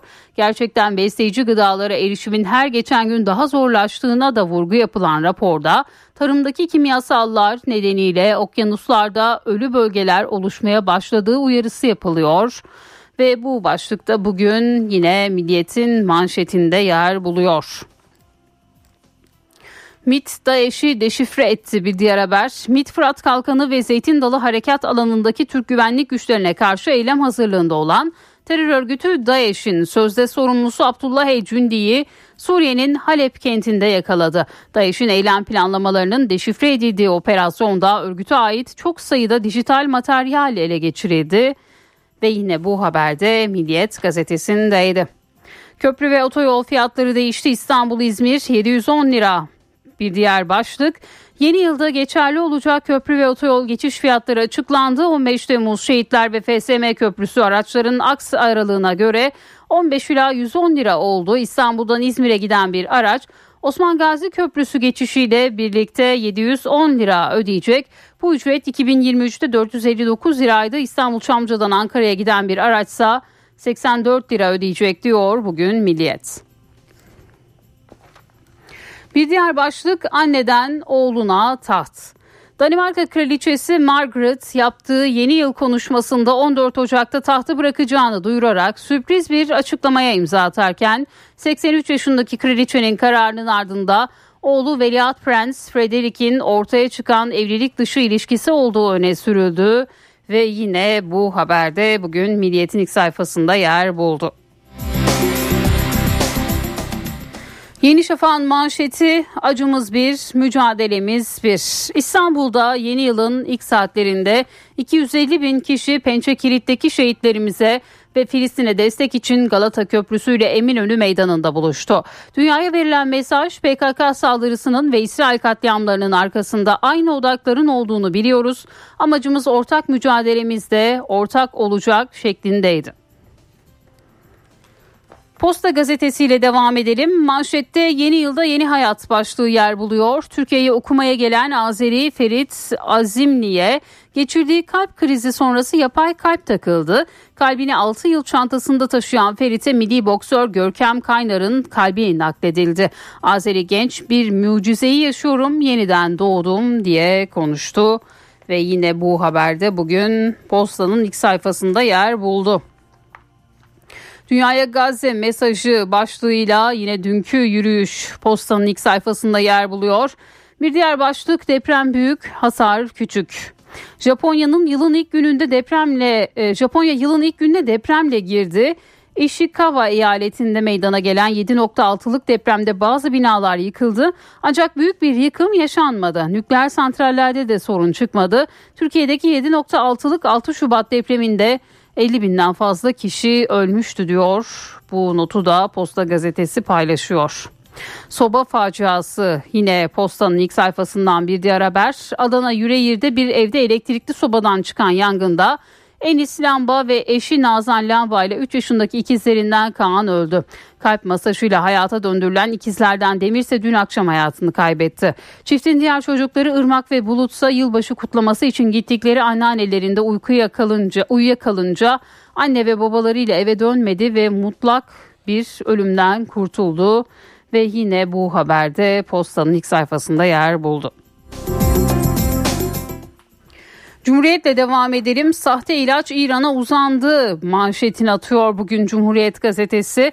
İstanbul'da geçen hafta aralarında ilaç deposu sahibi Davut Tekiner'in de bulunduğu kişilere yönelik sahte ilaç operasyonunun ardından skandallar zinciri çıktı. Zanlıların kanser ilacı diyerek etken maddesi ağrı kesici olan ilaç sattığı, yurt içi ve yurt dışından uyarılara karşın SGK'nın işlem yapmadığı iddia edildi. Çetenin İran'a kanser yerine ağrı kesici ilaç gönderdiği ve çok sayıda hastayı mağdur ettiği belirlendi. Aracın sahte olduğunu anlayan İranlı yetkililer Türk makamlarla ilişkiye geçerek sanıkların cezalandırılmasını istedi. Tekiner'in şirketlerinin resmi tescilli olması ise İranlıları şaşırttı diyor Cumhuriyet manşetinden bugün. CHP'nin adayları netleşiyor. Kadınlardan 25 ilçede başvuru bir diğer haber. CHP'nin İstanbul adaylarının önümüzdeki günlerde açıklanması bekleniyor. İstanbul'da ilçe belediye başkanlıkları için CHP'ye başvuran 332 aday adayından 57'si kadın. 25 ilçeden aday adaylığı başvurusu yapan kadınlar görev bekliyor diyor Cumhuriyet gazetesi bugün. Bir diğer haber ise üst düzey toplantı yapıldı. İsrail'i soykırım suçu kaygısı sardı. Gazze'de en az 22 bin kişinin yaşamını yitirdiği saldırıları düzenleyen İsrail'de soykırımdan yargılanma alarmı verildi. Güney Afrika'nın Lahey'de açtığı soykırım davası için ordu ve yüksek mahkeme oturum düzenledi. Uzmanlar aleyhte karar çıkabilir dedi ve yine bu haberde bugün Cumhuriyet gazetesindeydi. Evdeki Hesap. Profesör Murat Ferman hafta içi her gün ekonomideki güncel gelişmeleri NTV Radyo dinleyicileri için yorumluyor. Günaydın Sayın Ferman. Mikrofon sizde. Zeynep Gül Hanım günaydın. İyi bir gün, iyi yayınlar diliyorum. Geride bıraktığımız 2023 yılının en önemli, e, en çok damga vuran e, belki de özellikleri arasında herhalde iki ibare öne çıkmalı. Bunlardan bir tanesi güçlü dolar yılı.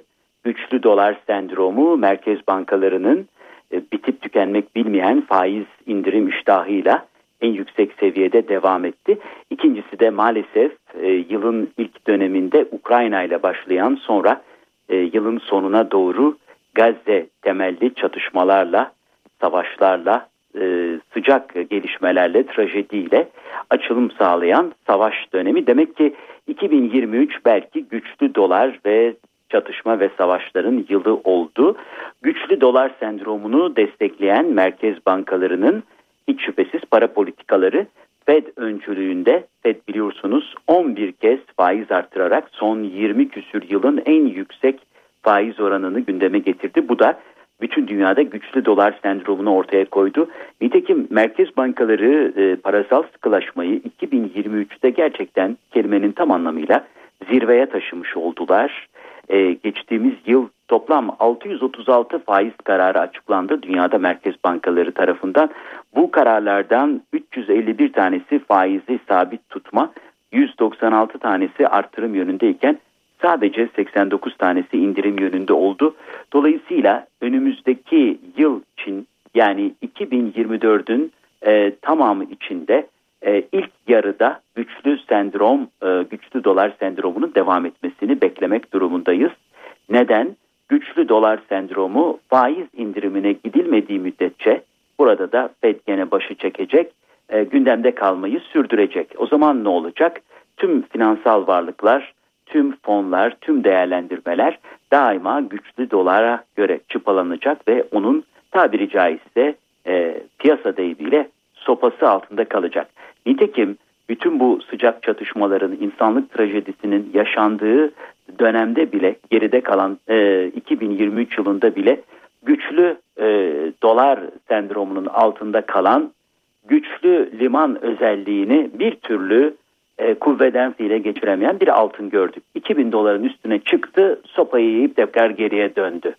E, altın fiyatları hakikaten e, geçen sene baktığınızda e, en çok görece kazandıran gibi gözükmekle beraber aslında genel anlamda kendisine bağlanan umutları bir türlü sonuçlandıramadı veya yerine getiremedi.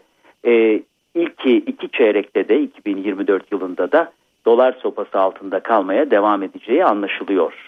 Onun yancısı gümüşte tıpkı doların yancısı avro gibi altın bir parça geriledikçe e, başını çıkarttı ama orada da bir istikbal görülmedi. Bu çerçevede avro ve dolar bakımından da e, bu senenin ilk e, 6 aylık yani ilk 2 çeyreklik döneminde e, doların hakimiyetinin öne çıkacağı e, öngörülebilir. Tabii Türkiye açısından baktığımızda Türkiye, e, Türkiye'de e, açıklanan bir takvim de var. Parasal politikalar çerçevesinde Mayıs ayı sonuna Haziran'a kadar e, Batı cephesinde yeni bir gelişme olmayacağı anlaşılıyor. Daha doğrusu bunu Merkez Bankası ve ekonomi yönetimi deklare ediyor. En e, ilk defa 3 Ekim tarihinde geçtiğimiz geride bıraktığımız 3 Ekim tarihinde Türkiye Büyük Millet Meclisi Bütçe Plan Komisyonu önünde faş edilen kamuoyuyla paylaşılan parasal politika yol haritasına göre enflasyonda Mayıs ayı sonuna kadar bir salahat, bir iyileşme gözükmeyecek. Tam tersine 70'leri aşan ve 80'i zorlayabileceğini ümit etmediğimiz inşallah olmayacağını düşündüğümüz iyi düşünelim iyi olsun diyeceğimiz bir gelişme olacak. Sonra bir düşüş olacak. Onun hızını hep beraber yaşayarak bedelini ödeyerek göreceğiz. Ama Merkez Bankası Para Politika Kurulu'nun gelecek yılda 12 defa toplanacağını biliyoruz. Yılın ilk faiz kararı 25 Ocak'ta, son karar ise 26 Aralık'ta açıklanacak. En önemli e, takip edilen kaynaklardan bir tanesi de e, dönemsel e, enflasyon raporu. O da ilk sunum 8 Şubat'ta gerçekleşecek. Evet, e, zor ve çetin günler bütün dünyada olduğu gibi Türkiye ekonomisinde de bizleri bekliyor. Ama ihtiyatlı imserlikle yola devam etmekten başka çaremiz veya çıkar yolumuz görülmüyor. E, unutmayalım ekonomi beklenti yönetimi temelli bir disiplindir. Bu genel e, bilgi paylaşımı ve değerlendirme çerçevesinde değerli dinleyenlerimize katma değeri yüksek ve yüksek katma değerli bir gün diliyor. Huzurlarınızdan hürmetlerle ayrılıyorum. Profesör Murat Ferman'la evdeki hesap sona erdi. Kaçırdığınız bölümleri www.ntvradio.com.tr adresinden dinleyebilirsiniz. NTV Radyo Dünya markası Bras çatı sistemleri finans bültenini sunar. Borsa İstanbul Yüz Endeksi 7470 seviyelerinde dolar 29.63 euro 32.66'dan işlem görüyor. Euro dolar paritesi 1.10 altının onzu 2071 dolar. Kapalı çarşıda gram altın 1974 çeyrek altın 3348 liradan satılıyor. Brent petrolün varil fiyatı ise 78 dolar. Dünya markası Bras çatı sistemleri finans bültenini sundu. NTV Radyo Benzersiz duvarlar artık hayal değil. Sandeko Boya hava durumunu sunar. Ülkede batı kesimlerde sağanak yağış devam ediyor. İstanbul ve Bursa'da iki gün ara ara yağmur geçişleri olacak. İstanbul 15, Bursa 17 derece. Ankara hafif yağmurlu 12 derece. İzmir ve Antalya'da da sağanak geçişleri görülecek. İzmir 17, Antalya 19 derece olacak bugün. Eşsiz boya, eşsiz mekanlar. Sandeko Boya hava durumunu sundu. Kim buldu, nasıl buldu? Elektrikli ve pilli radyodan yıllar sonra kurmalı radyonun amacı neydi? Kurmalı radyoyu 1991 yılında İngiliz Trevor Bayliss aslında bambaşka işlerle ilgilenirken tesadüfen izlediği bir belgeselden etkilenerek buldu. Bayliss'in 10 parmağında 10 marifet vardı. İngiltere milli yüzme takımı sporcusu, orduda fizik tedavi eğitmeni ve Berlin Eyalet Sirkinde su altı dublörü olan Bayliss, su altında zincirle bağlanıp kurtulma gösterileri de yapıyordu. Bu arada Afrika'da AIDS'in nasıl yayıldığını anlatan bir belgesel izleyince insanlar hastalıktan korunma konusunda bilgi sahibi olsalar ölümlerin ciddi boyutta azalacağını öğrendi. Ve bu bilginin dünyanın en ücra köşelerine nasıl ulaştırılacağını düşünmeye başladı. Afrika'nın bazı bölgelerinde elektrik yoktu. Televizyon hiç yoktu. Piller de pahalı olduğu için radyo yaygın değildi. Trevor Bayliss aylar süren çalışma sonunda elektrik ve pile gerek olmadan kurularak çalışan radyoyu keşfetti. Kolunu 2 dakika çevirince 14 dakika güç sağlayan bir mekanizma yapmayı başardı. İş seri üretimi planlamaya gelince küçük bir radyo ve küçük bir kurma mekanizması yapmak zordu. Ancak zaten Avrupalıların tersine Afrikalılar da radyolarının büyüklüğünü bir statü göstergesi olarak kabul ediyordu. Böylece Afrikalılar için büyük kurmalı radyo üretimine geçildi. Mucit Bayliss, yakın bir geçmişte kurma teknolojisini dizüstü bilgisayarlara da uyarladı. Bu, dev iletişim ağının dünyanın en ücra köşelerine kadar ulaşabileceği anlamına geliyor. Kim buldu, nasıl buldu? NTV Radyo'da doğum eylemi olacak ama o sırada bir risk olursa hasta o anda kalp ameliyatına alınacak. Hiç unutmam. Melike Şahin'le tıp tarihine geçen mucizeler ve ilginç vakalar. Antroposen çağda doğanın bir eşit parçası olmaya çalışan ve iklim krizini durdurmak isteyen dinleyicilerimiz için. Doğa konuşmaları, Nacide Berber'le sürdürülebilir yaşam kılavuzu ve iklim notları. Bocce sporu ile ilgileniyorum. Zafer mesafesi olduğum için. Engelsiz. Ayhan Aktaş'la farklı sporlar, farklı sporcular. Sahte gülüş diye bir şey yok. Her tür gülüş bir şekilde bir sosyal işlev üstlenmekte. Beşeri münasebetler.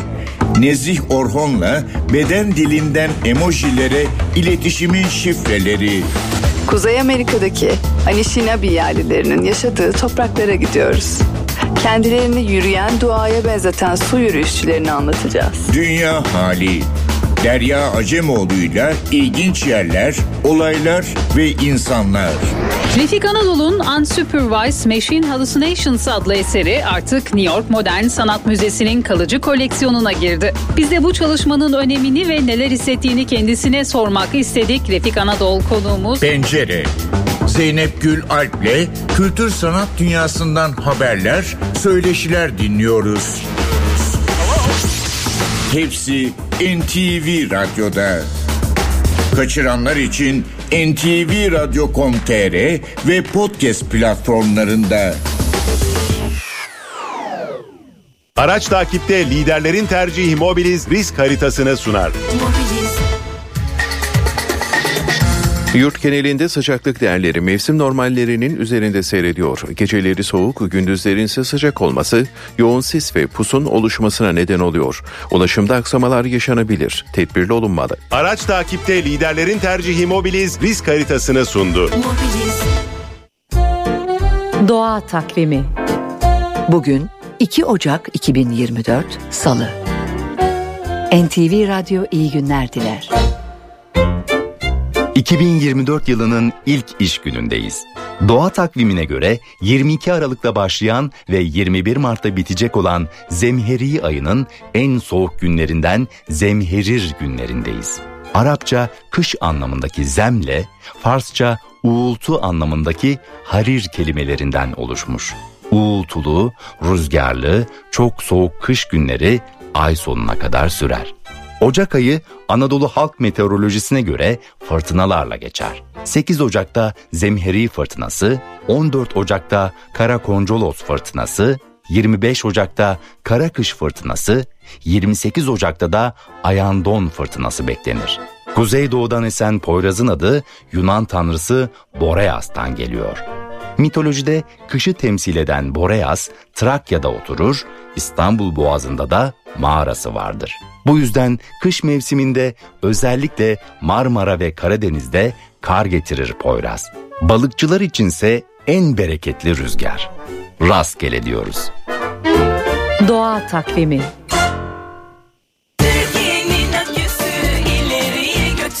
Yiğit Akü yol durumunu sunar. Karayolları Genel Müdürlüğü duyurdu. Fethiye-Kaş yolunun 20-39. kilometrelerinde ve Bayburt-Erzurum yolunun ikinci kilometresinde yol bakım çalışmaları yapıldığından ulaşım bölünmüş yolun bir bölümünden çift yönlü sağlanıyor. Sürücüler dikkatli seyretmeli. Yiğit Akü yol durumunu sundu. NTV Radyo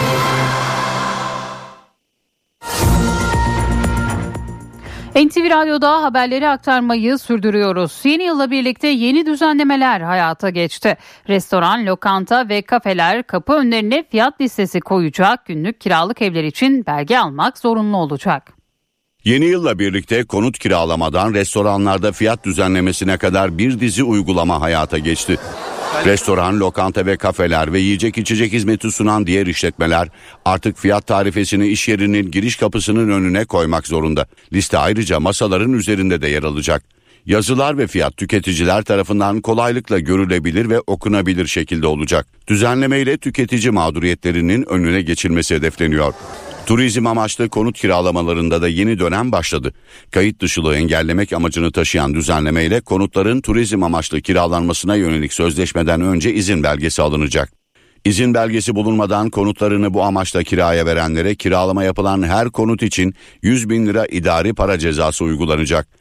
İzin belgesi alarak faaliyette bulunabilmesi için 15 gün süre verilecek. Bu süre sonunda izin belgesi almadan kiralamaya devam edenlere 500 bin lira idari para cezası kesilecek. Yolcu taşımacılığında da yeni dönem başladı. Şehirler arası yolcu taşımacılığı yapan otobüslere araç takip cihazı takma şartı getirildi. Taşıtların konum, tarih ve saat bilgileri 2 dakikalık periyotlar halinde Ulaştırma Elektronik Takip ve Denetim Sistemine elektronik ortamda iletilecek. Bir başka düzenlemede yurt dışından ithal edilen ya da yolcu beraberinde getirilen cep telefonları için hayata geçti. Cep telefonu e-mail numaraları kayıt işlemleri ithalatçı ya da imalatçı için tahsis edilen hesapla gerçekleştirilecek. Yetkisiz hesaplar e-mail kaydı yapamayacak. İnşaat demiriyle ilgili takip düzenlemesi devreye alındı. İnşaat demirleri üretim ve ithalat aşamasından binalarda kullanım aşamasına kadar izlenecek. Sistem verileri bakanlıkların bilgi sistemine aktarılacak. Bu adımla kalitesiz demir kullanımını engellemek hedefleniyor. Yeni yılla beraber köprü ve otoyol ücretlerine zam geldi. Araçlar kamuya ait otoyol ve köprülerden %76, yap işlet devlet yöntemiyle yapılan otoyol ve köprülerdense %50 oranında zamlı geçiş yaptı.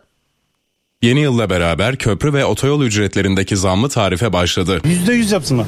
Çok az ben buluyorum. Çok olsun abi. Karayolları Genel Müdürlüğü 2024 yılı için kamuya ait otoyol ve köprülerde %76, yap işlet devret yöntemiyle yapılan otoyol ve köprülere ise %50 oranında zam yapıldığını açıkladı. Köprü ve otoyollara uygulanan zam tarifesi gün itibariyle başladı. İstanbul'da en çok kullanılan yerlerden birisi tabii ki Boğaz köprüleri. Boğaz köprülerinden geçişlerde otomobiller için tek seferlik geçiş ücreti 15 liraya yükseltildi. Yakıta zam, köprüye zam sonumuz ne olacak belli değil. Buna göre Karayolları Genel Müdürlüğü tarafından işletilen otoyollarda otomobil için en düşük geçiş ücreti 9 lira, en yüksek geçiş ücreti ise 84 lira oldu. Sürekli her şeye zam geliyor. Artık yola çıkamaz hale geldik. Yap işlet devlet projelerine ait köprülerin geçiş ücretleri ise Osman Gazi Köprüsü'nde 290 lira, 1915 Çanakkale Köprüsü'nde 295 lira, Yavuz Sultan Selim Köprüsü'nde ise 35 lira olarak belirlendi. Çok pahalı. Yapılacak bir şey yok. Otoyol ve köprüleri kullanmak bırakın onu arabayı yerinden oynatmak bile düşündürücü yani. İstanbul'da geçen yılın enflasyon artış oranı yaklaşık %75. Araştırmanın altında İstanbul Ticaret Odası'nın imzası var. Aralık ayının enflasyonu artışı %3,52. Geçen ayın zam şampiyonuysa sağlık hizmetleri oldu.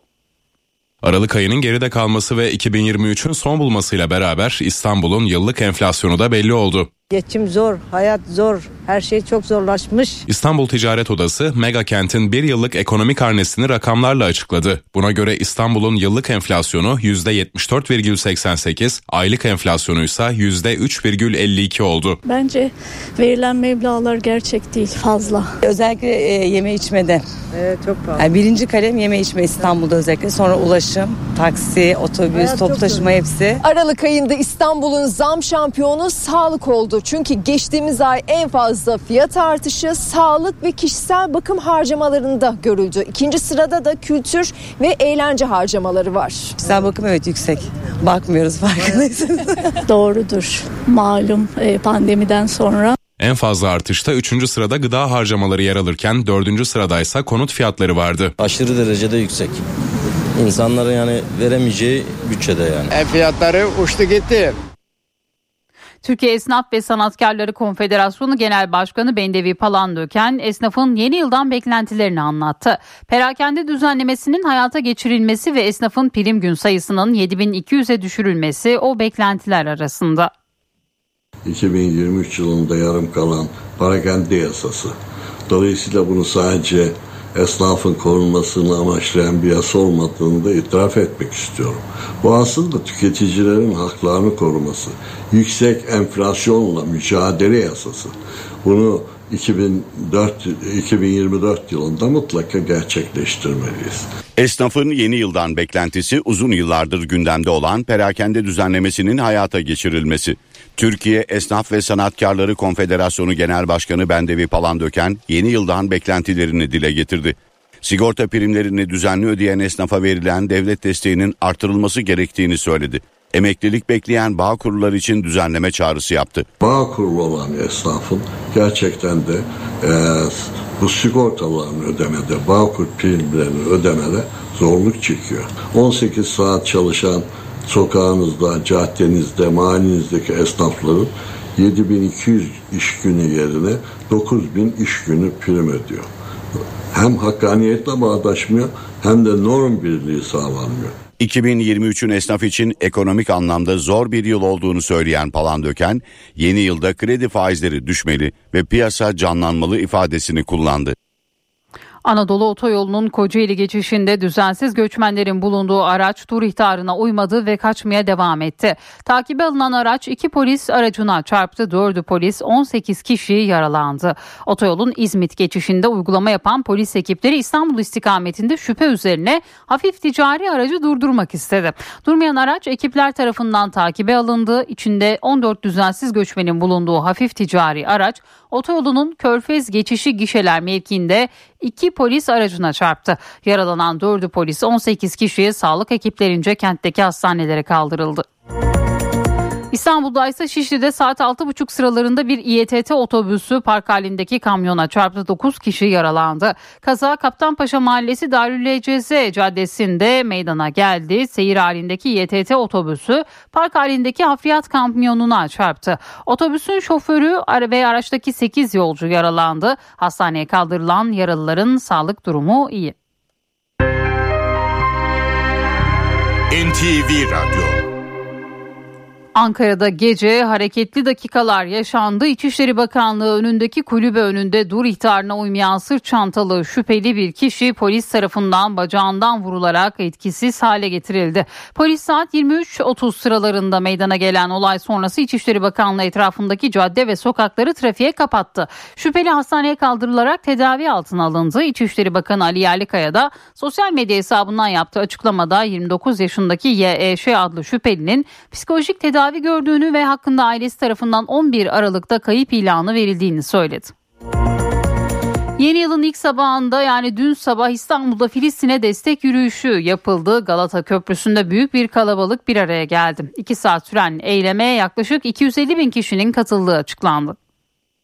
Büyük bir kalabalık sabahın erken saatlerinde bir araya geldi. Ayasofya, Sultanahmet, Süleymaniye ve Yeni Cami'de kılınan sabah namazının ardından camilerin önlerinde toplananlar kortej eşliğinde Galata Köprüsü'ne ulaştı. Türkiye Gençlik Vakfı'nın öncülüğünde Filistin'e destek yürüyüşü düzenlendi. Akın akın İstanbul! Miting Pençe Kilit Harekatı'nda şehit olan 12 asker ve Filistin'de hayatını kaybedenler için okunan dualarla başladı. TÜGVA Yüksek İstişare Kurulu üyesi Bilal Erdoğan kürsüde konuşma yaptı. Biz Türkiye'nin terörle mücadelesinde verdiği şehitlerin de Filistin'de düşen şehitlerin de orada öldürülen çocukların da katillerinin aynı odaklar olduğunu biliyoruz. Destek yürüyüşüne 300'den fazla sivil toplum kuruluşu katıldı.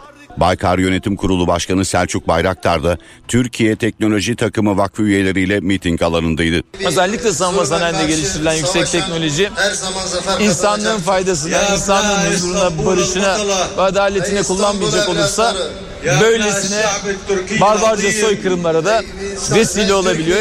Yürüyüşte Sağlık Bakanı Fahrettin Koca, Gençlik ve Spor Bakanı Osman Aşkınbak, eski Hazine ve Maliye Bakanı Berat Albayrak, eski Milli Savunma Bakanı Hulusi Akar, eski İçişleri Bakanı Süleyman Soylu'nun da aralarında olduğu çok sayıda siyasetçi yer aldı. İki saat süren eyleme yaklaşık 250 bin kişinin katıldığı kürsüden anons edildi. Yüz binlerce İstanbullu burada ve yılın ilk gününde 2024'ün ilk gününde bütün halklara, bütün insanlığa buradan hakkı haykırıyor. Destek yürüyüşünde Filistin Ankara Büyükelçisi Faik Mustafa da konuşma yaptı. Mustafa, Türk halkına minnettarız dedi. Kaybettiklerimiz için acı çekiyoruz. Gazze'de her şeye hedef alan bu zalimler bizi davamızdan saptırmak istiyor.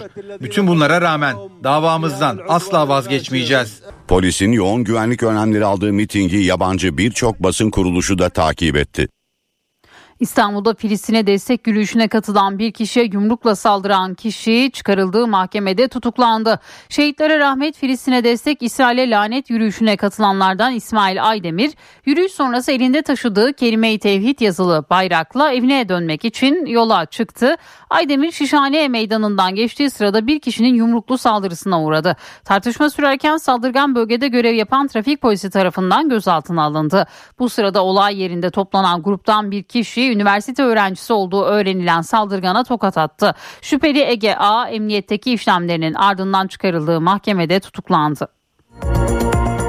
Japonya'da 7.6 büyüklüğünde deprem olduğu 13 kişi hayatını kaybetti. Arama kurtarma çalışmaları sürüyor. Bazı bölgelerde elektrik kesintisi yaşandı. Tren seferlerinde aksama oldu. Tsunami uyarısı saatler sonra kaldırıldı.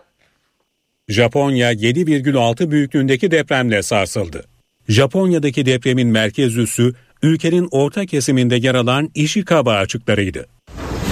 Deprem sonrası tsunami uyarıları yapıldı. Japon devlet televizyonu özellikle Ishikawa, Niigata ve Toyama kıyılarında yaşayanlara derhal yüksek alanlara gitmeleri çağrısı yaptı. Daha sonra tsunami alarmının seviyesi düşürüldü. Bunun Noto Yarımadası'nda şimdiye kadarki en büyük deprem olduğu duyuruldu. Yıkılan binalardaki arama kurtarma çalışmalarına yardım için ordu birlikleri de görevlendirildi. Japon Meteoroloji Ajansı yetkilileri önümüzdeki günlerde daha büyük depremler olabileceği konusunda uyardı. Japonya Başbakanı Fumio Kishida da halka olası depremlere karşı hazır olmalarını söyledi. Tsunami dalgalarının vurabileceği bölgelerde yaşayanlara derhal evlerine tahliye etme çağrısı yaptı. Deprem sonrası hızlı tren seferleri aksadı. Binlerce haneye elektrik verilemediği kaydedildi. Ishikawa ve Niigata'daki telefon operatörleri de mobil internet servislerinde kesintiler yaşandığını açıkladı. Yetkililer deprem sonrası nükleer santrallerde de herhangi bir sorunla karşılaşılmadığını duyurdu. Japonya'da 11 Mart 2011'de meydana gelen 9,1 büyüklüğündeki deprem ve ardından oluşan tsunami'de 20 bin kişi hayatını kaybetmişti.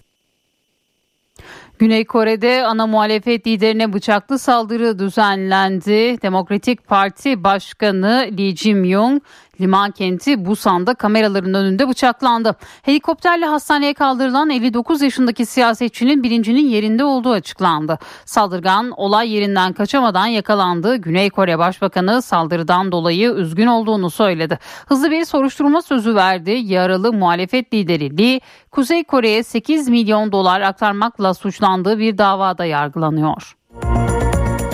Bazı gümrük kapılarında yılbaşı yoğunluğu vardı. Iğdır'dan Nahçıvan'a açılan Dilucu gümrük kapısında 13 kilometrelik tır kuyruğu oluştu. Artvin'deki Sarp gümrük kapısında da benzer görüntüler oluştu. Saatlerce beklediler. Kuyruk ilerlemeyince kendi imkanlarıyla yemek yaptılar. Bazı tır sürücüleri yeni yıla sınır kapısına girmek zorunda kaldı. Kaç gün sonra gümrüğe ulaşırız belli değil. Şu anda biz yollarda perişan haldeyiz. Benim aracımın en az en fazla iki gün sonra gümrüğe geçmesi gerekiyor. İşte bekliyoruz nasıl olacak. Halimizi görüyorsun kuyruğu görüyorsun 13-14 kilometre kuyruk var. Iğdır'dan Nahçıvan'a açılan Dilucu Gümrük Kapısı'nda yoğunluk vardı. İran, Azerbaycan, Rusya ve Asya ülkelerine geçmek üzere yola çıkan tırlar 13 kilometrelik kuyruk oluşturdu. Dilucu gümrüğünde yılbaşı ve Aralık ayı ihracatları nedeniyle yaşandığı belirtilen yoğunluğun bu haftada sürmesi bekleniyor. Burası da Artvin'deki Sarp Gümrük Kapısı. Yılbaşını Gürcistan'la geçirmek isteyenler sınırda yoğunluk oluşturdu. Cuma, cumartesi ve pazar günü Sarp sınır kapısını kullanarak Gürcistan'a 67.350 yaya, 6.980 araç geçiş yaptı.